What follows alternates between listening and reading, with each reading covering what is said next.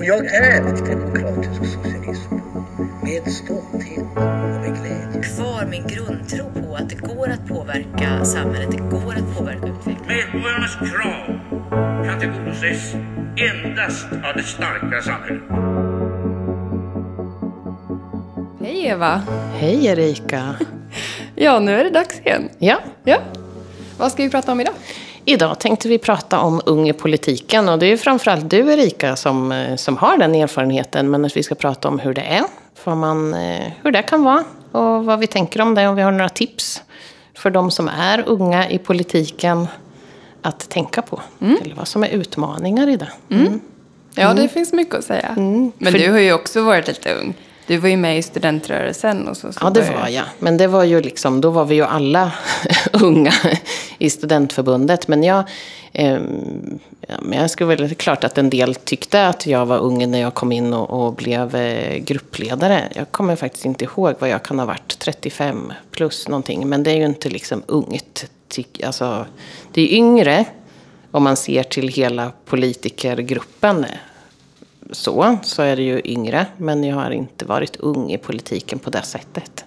Men jag har ju sett en del andra unga. Så det kan jag väl komma med inspel om. Ja, det är bra. Ja. För du är ju ung. Du är väl en av de yngsta, är det inte så, i, i riksdagen? Ja, jag är ju 24 år och jag var 23 i februari när jag kom in här. Och då, just nu så är jag näst yngst. Jag är yngst socialdemokrat, men jag är näst yngst i hela riksdagen. Och de som är yngst idag är ju två sverigedemokrater som är då 23 år eh, och jag är 24. Så det stämmer. Men jag har ju också varit ung eh, hela tiden skulle jag säga. Jag var 16 år när jag gick med i SSU och mitt första förtroendeuppdrag var ju när jag var 19 år och kom in i Åtvidabergs kommunfullmäktige och där var ju också alltid yngst. Eh, och vi var väldigt få, ja men jag var den enda under 35 då. Eh, och eh, även idag så är det väldigt få i det här kommunfullmäktige när jag inte är kvar längre. Så det är ju väldigt tråkigt att alltid behöva vara den här eh, yngsta personen egentligen. Samtidigt som det också är kul att få ha den posten. Och, eh, jag fick ju frågan då 2014 ifall jag ville stå med på listan och då tänkte jag men det kan jag göra. Men jag tänkte inte att jag skulle bli eh, ledamot i kommunfullmäktige utan kanske snarare ersättare. Men jag hamnade på plats nio då eh, och fick då ett eget, eh, en egen ledamotsplats. Så det var ju superkul såklart. Eh, men medelåldern var ju väldigt, väldigt hög. Det är ju mest folk eh, mellan 40 och 60 år skulle jag säga. Och många äldre än 60 också. Men där under så är det inte många alls. Eh, så jag kände mig alltid väldigt ung och vilsen eh, just då också. För att när jag var 19 år så var jag eh, mer blyg och mer bakåtlutande än vad jag är idag liksom. Eh, Jag minns också en, en sak som hände då när jag kom in att eh, det fanns en annan äldre farbror i det fullmäktiget från ett annat parti som sa åt mig Ja du Erika, den där talarstolen den kommer du nog inte gå upp i för det gör nästan ingen här, speciellt inte de yngre. Och det där har jag bärt med mig hela tiden. Att ja, men det var liksom en gubbjävel som sa åt mig det där och det sätter sig i huvudet tyvärr. För det sätter någon slags prägel på vad han tror om mig och min förmåga eller ungas förmåga generellt sett. Att ja, men den där talarstolen, där går bara de mest erfarna upp i. Eh, och det gjorde ju att jag gick ju inte upp i talarstolen i början för att jag tänkte, ja men är det så här det är i ett kommunfullmäktige, då vågar inte jag ta plats. Men sen gick jag ju upp i den och det gick ju jättebra. Men, men just det här att någon vågar räka ur sig den kommentaren från början för att sätta tonen för hur det ska vara tyckte jag var så himla märkligt. Ja, precis. Det blir lite så här, så här är det. Mm. Men, eh, men vi ser inte gärna att det ser ut på något annat sätt. Men har du tyckt att det har varit, för det har jag undrat sådär. Känns det, känns det jobbigt att bli, för man blir ju lite definierad som den unge då om man kommer in i ett sammanhang när, när de flesta andra är, är äldre. Hur är den känslan av att vara den unga eller den unge? Eller? Ja, om just i kommunen så var det väl eh, mest Eh, negativt skulle jag säga. För många sa att jag har ju ingen arbetslivserfarenhet så jag vet ju inte hur allting funkar. Men det som var min vinst var att, att jag precis hade tagit studenten från Åtvidabergs skolor. Liksom. Jag hade gått hela min skoltid där och jag kunde de frågorna väldigt bra. Så det var ju en styrka. Men svagheten var ju då att ingen kunde eh, tro på mig ifall jag uttalade mig om arbetsmarknadsfrågor. Liksom. Eh, men även idag som riksdagsledamot, apropå hot och hat och sådär, så har jag ju fått en hel del kommentarer om att nej men hon har väl aldrig betalt skatt eller jobbat och sådär. Och det har jag ju visst gjort, flera, flera år. Eh, så det känns som att eh, många tror saker om unga. Att det bygger mycket på fördomar då. Att ja, men om hon är så himla ung då kan hon väl inte ha hunnit med så mycket. Men jag tänker att alla erfarenheter är ju värdefulla. Oavsett hur många år man har jobbat eller pluggat eller gjort annat i livet. Eh, och det kan man ju inte heller bara eh, förneka utan det måste man ju istället, istället ta tillvara på och vara ödmjuk för att nej, jag har inte upplevt allt som en annan människa som är dubbelt så äldre som mig har gjort. Men jag har andra erfarenheter som jag kan bära med mig in i politiken. Och om inte vi unga representeras här så, så kommer ju ingen driva eh, frågor för unga. Jag såg någonstans att, eh, och jag har, vet inte om det stämmer, men jag såg, läste någonting om häromdagen att, att det, de i fullmäktige eller i kommunerna och regionerna på lo lokal nivå, då blir eh, gruppen i de här fullmäktige eh, församlingarna blir allt äldre. Medan i riksdagen är det tvärtom. Att där saknas det, eller vad man ska säga, personer med, med erfarenhet, alltså som är äldre. Har du någon liksom medskick? För, för det de sa var att det kan vara, vara svårt. Många som sitter i kommunfullmäktige har suttit länge och ibland är det, ja vad det nu beror på. Men vad tänker du om det? Är det något som du känner igen? För jag tror att du känner säkert sånt. ja, hur mycket bryter jag av i det här sammanhanget eller så? Har du någon känsla för det? Ja men absolut. Men jag tror också att det är en stor skillnad mellan större kommuner och små kommuner. För min kommunerfarenhet är ju från en väldigt liten kommun och där var vi ju inte många fullmäktigeledamöter generellt sett. Vi var ju totalt 35 personer plus eh, 20-25 ersättare. Eh, och där var ju som sagt medelåldern väldigt hög. Och jag vet ju att det ser ut så i många mindre kommuner i Sverige där det inte finns en eh, partikultur där man har värvat in unga medlemmar eller där inte partierna har några ungdomsförbund som är aktiva och ser till att eh, försörja partiet med unga. Eh, däremot i de större städerna så finns det ju fler unga i kommunfullmäktige och det känns ju väldigt bra. Sen tror jag det hänger väldigt mycket på vilket parti det är och hur man ser på att ta med unga eller inte. Om man tänker att unga bara ska vara i ungdomsförbundet eller om de faktiskt ska få eh, en förtroende eh, ja, ett mandat liksom, att stå på listan högre upp. Eh, men sen här i riksdagen så är det ju mer blandat. Vi är ju ett gäng under 35 här. Jag vet tyvärr inte hur många, men det kan vi kolla upp. Eh, samtidigt som det är väldigt få pensionärer. Så de flesta ledamöterna är ju mellan 40 och 60, men sen över 65 så tror jag att det bara är två eller tre pensionärer. Äldsta ledamoten är ju Barbro Westerholm som är 74, typ. Hon är jag vågar inte säga ja, en exakt siffra, men hon är men, över 70 ja, år i alla mm, fall. Mm, mm. Även Thomas Hammarberg från Socialdemokraterna är ju äldre. Eh, men ja, så att här är det mer blandat. Men jag vet inte riktigt vad det kan bero på mer än det jag sa, att det handlar mycket om hur partierna värvar in helt enkelt och får med sig unga som kan ta ett uppdrag. Men vad tänk, för det där har vi ju lite olika åsikter om, med om det är värdefullt att man har av vet, olika kön, av olika ålder, olika erfarenhet. Vad, vad, tänker du om det? Finns det ett värde i att det finns unga i alla församlingar? Finns det ett värde i att, um, att det finns äldre? Och vad, vad skulle det vara? Vad är din synpunkt ja, på det? Ja, det tycker jag absolut att det gör.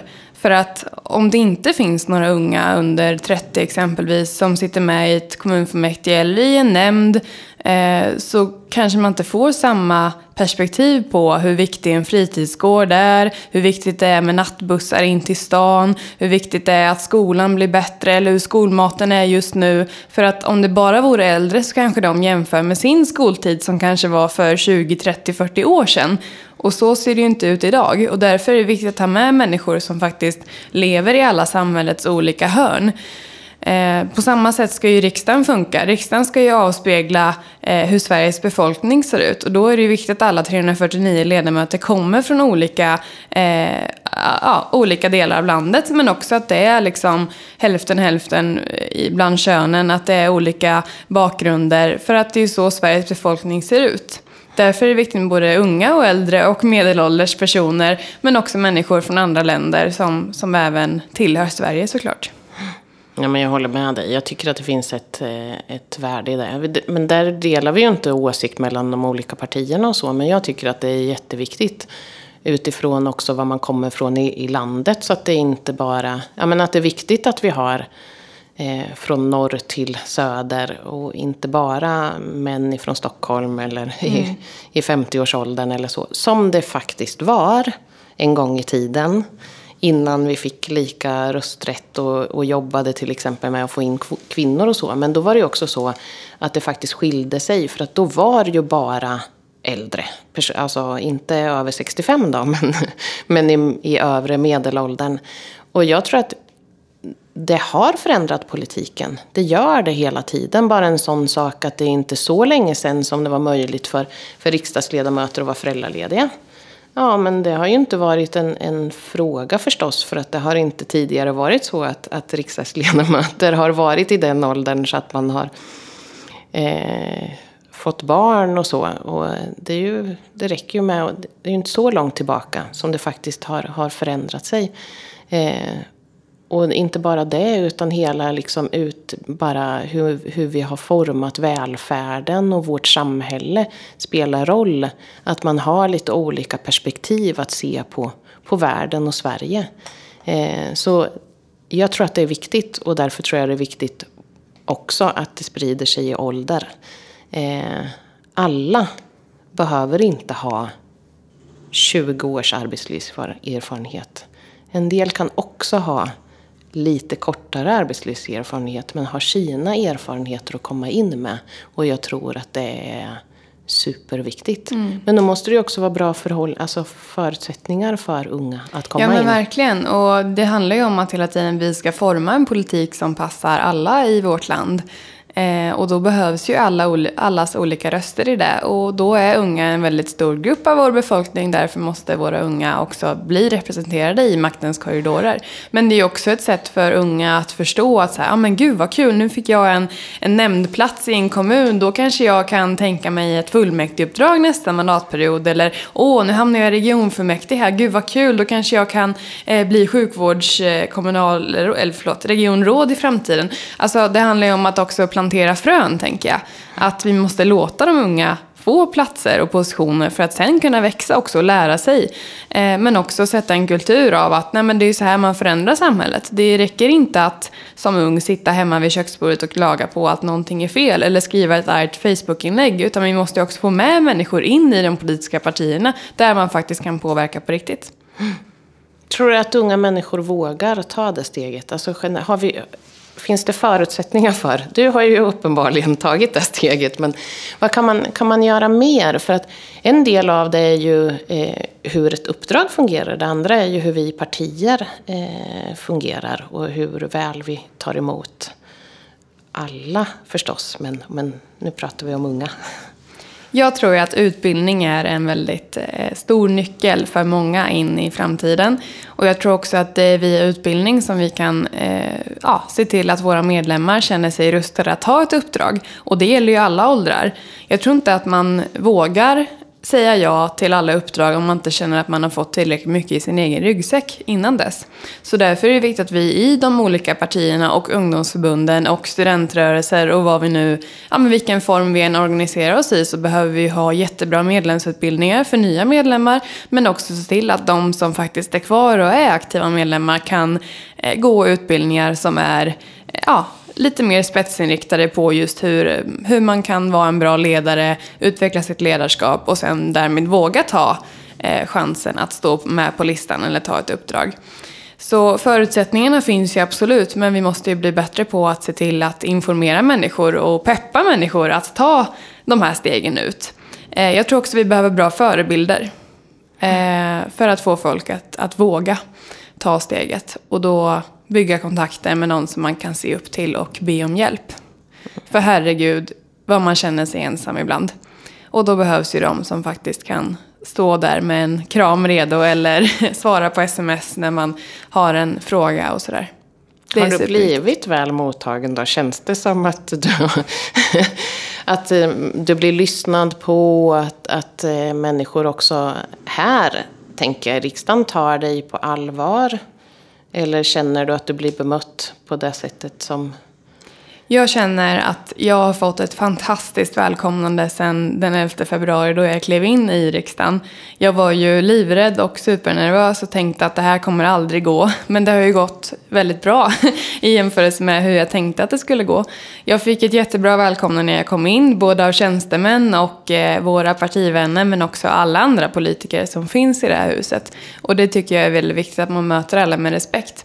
Jag var såklart jätteorolig för att jag var så ung och jag tänkte att nej men gud vad har jag varit med om jämfört med alla, alla andra. Men jag har ju lärt mig otroligt mycket på vägen eh, och jag känner att jag växer som person varje dag. Det känns som att jag åldrats tio år faktiskt. Men också att många har ju varit supersnälla verkligen.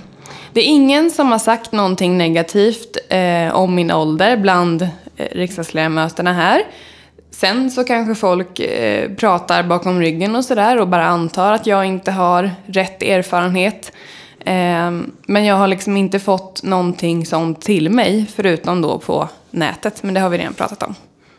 Då man har klankat ner på min ålder och hårfärg och sånt.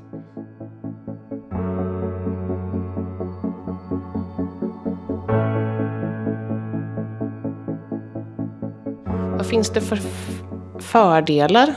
Nu, nu ställer jag retoriska frågor. Jag tycker att vi ska ha ett ungdomsförbund. Men vad finns det för fördelar med att vi har ungdomsförbund? Vad tänker du är steget? Och också studentförbundet då som är... Eh, men jag tänker, vad finns det för fördelar med det? Men finns det också svårigheter med att man har det på det sättet? Och hur är klivet över till partiet och mottagandet där? Och kan det finnas nackdelar då med också att ha ungdomsförbund? Mm. Jättebra fråga. Eh, den är viktig att diskutera. Men eh, generellt sett, ja, ungdomsförbund är super, superviktiga och de ska vi absolut inte avskaffa. Eh, jag skulle säga att det viktigaste med ungdomsförbund är att man på något sätt får en inkörsport till den här vuxna världen som politiken ofta uppfattas som. Om man frågar en 15-åring eller en 13-åring idag hur de skulle beskriva vad politik är så tror jag att de flesta skulle säga att det handlar om lagböcker och ett riksdagshus eh, och inget annat.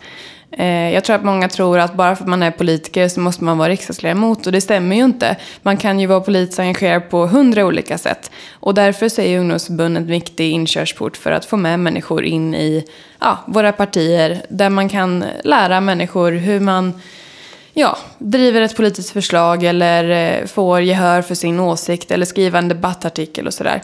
Men det absolut viktigaste, det skulle jag säga, är vänskapen och nätverkandet som man får i ett ungdomsförbund. Jag har ju verkligen mina vänner för livet där. Men också ett nätverk över hela Sverige. Jag har kompisar i varenda län tack vare SSU. Och det tror jag att många ungdomsförbundare skulle säga, även andra partier såklart. För det är ju synonymt att vi är väldigt många eh, just i rörelsen som man då kan höra av sig till. För att man lär känna många när man åker på utbildningar eller valläger eller vad det nu är. Eh, Sen är vi ju för få om man kollar på hur befolkningen ser ut. Jag tror att man brukar säga att det bara är en procent av svenska befolkningen som är med i ett politiskt parti eller ett ungdomsförbund. Och det är ju en väldigt liten siffra eh, om man kollar på hur stor befolkning vi har. Så det där behöver vi verkligen se till att anordna. Så fördelen absolut nätverk men också att man eh, eh, lär sig hur man ska hantera eh, den politiska världen genom utbildning. Nackdelen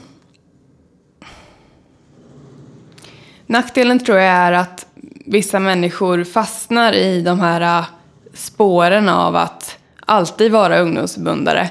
Eh, men man måste ju ändå se till att man kan faktiskt vara med i både partiet bland de vuxna och bland de äldre medlemmarna och ta ett uppdrag där. Man behöver liksom inte isolera sig i ungdomsförbundets verksamhet utan vi måste se till att man kan vara aktiv i hela rörelsen. Även i fackförbunden eller i studentföreningar eller i andra sidoorganisationer som vi har inom socialdemokratin.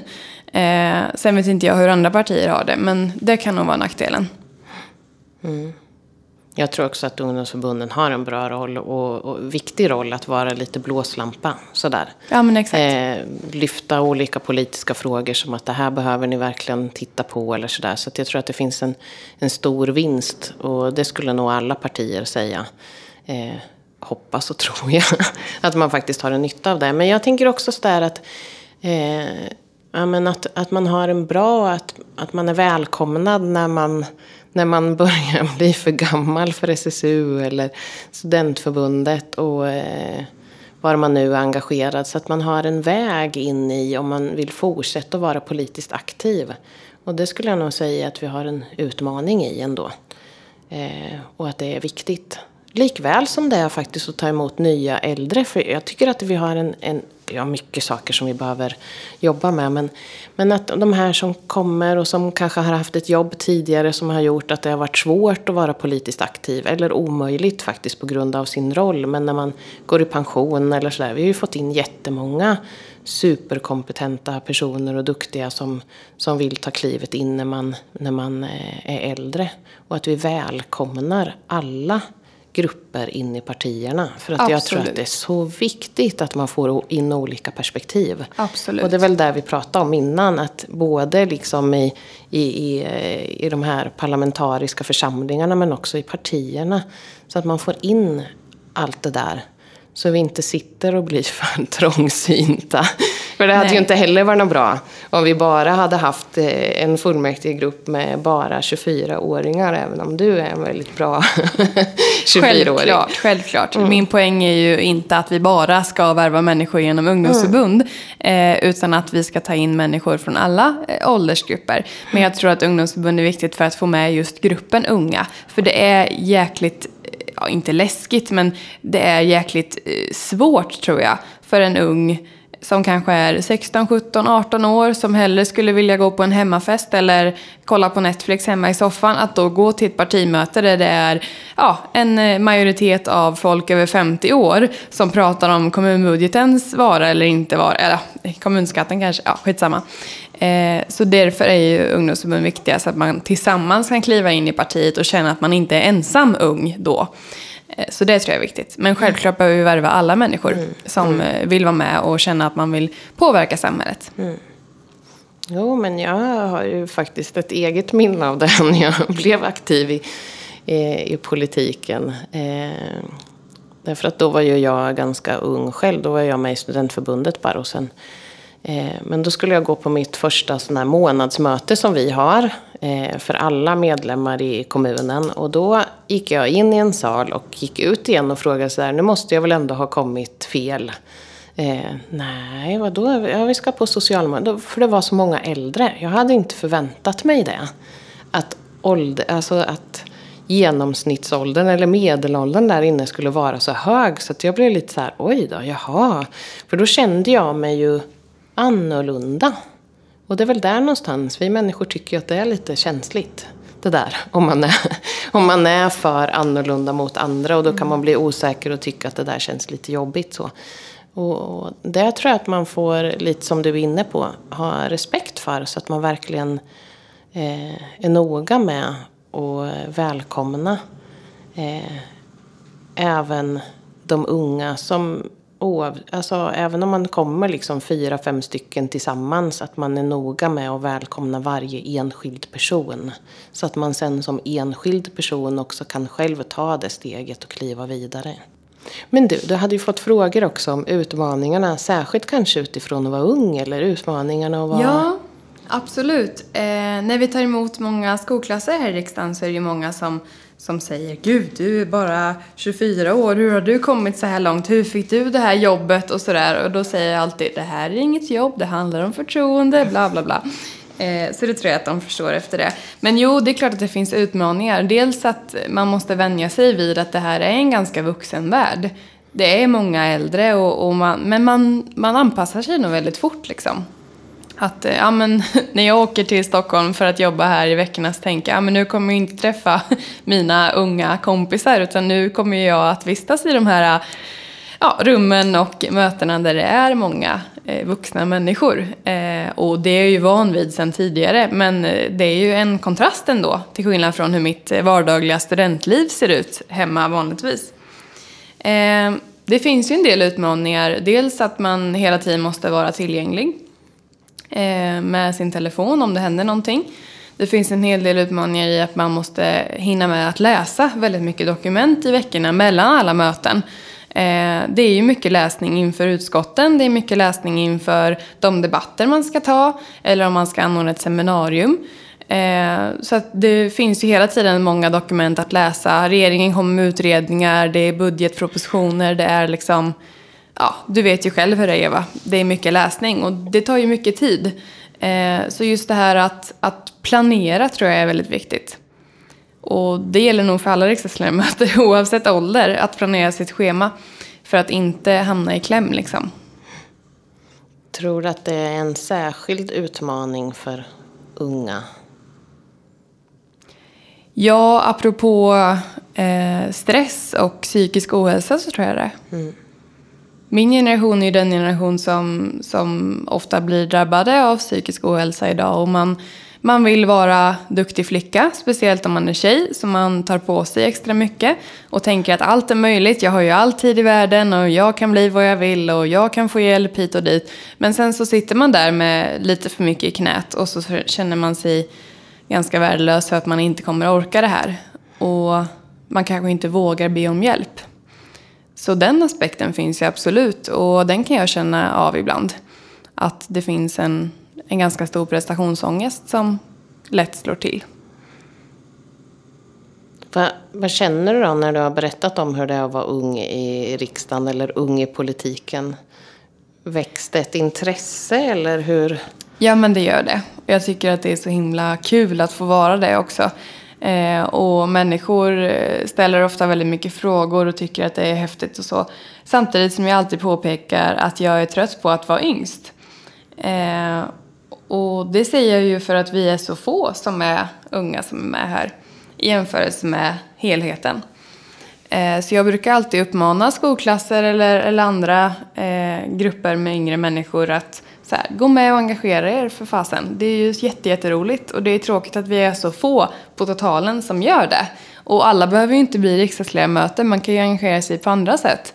Genom vårt föreningsliv i partierna eller genom att ta en, en, en plats i en nämnd eller i en kommunfullmäktige. Så det finns ju många sätt att engagera sig på och det brukar jag alltid skicka med. Och att man är inte ensam bara för att man är yngst utan vi, vi är ju väldigt många som kan ta hjälp av varandra.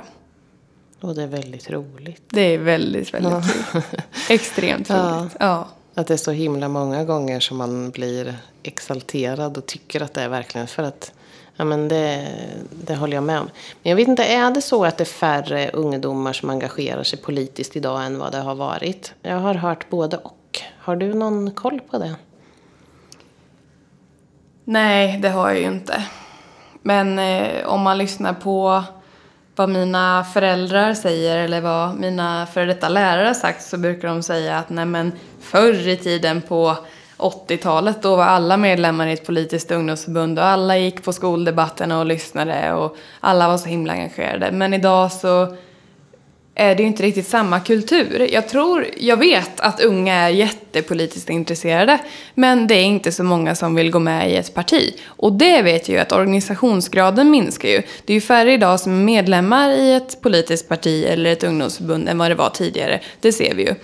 Eh, men jag tror inte att engagemanget är sämre. För vi vet ju att unga är väldigt engagerade som sagt. Till exempel i enfrågeföreningar, eh, hjälporganisationer, eh, läxhjälp eller ja, men sådana typer av intresseorganisationer som gör någonting. Men man är inte medlem i ett politiskt parti. Och det tror jag att man inte är för att man tror att bara för att man går med i ett politiskt parti så måste man vara medlem hela livet eller tycka som det partiet till 100% i varenda fall. Och så är det ju verkligen inte heller. Man är ju med precis så mycket som man själv vill eller inte vill. Och om man går med och blir medlem så innebär ju det att ja visst, jag ställer upp på att jag tror på de här värderingarna som partiet jag går med hos. Eh, och jag betalar en medlemsavgift eller inte beroende på vad det kostar.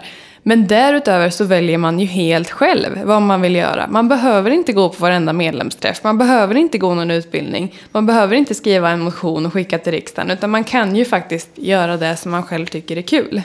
Och, och driva man själv de frågor. är engagerad i. Exakt, och driva de frågor som man själv brinner för. Och det där måste ju vi bli bättre på att förklara för människor. Och därför vill jag ta upp det här också, att bara för att man är medlem så behöver man inte vara 100% supporter som är med på allting, utan man väljer ju helt själv. Mm. Mm.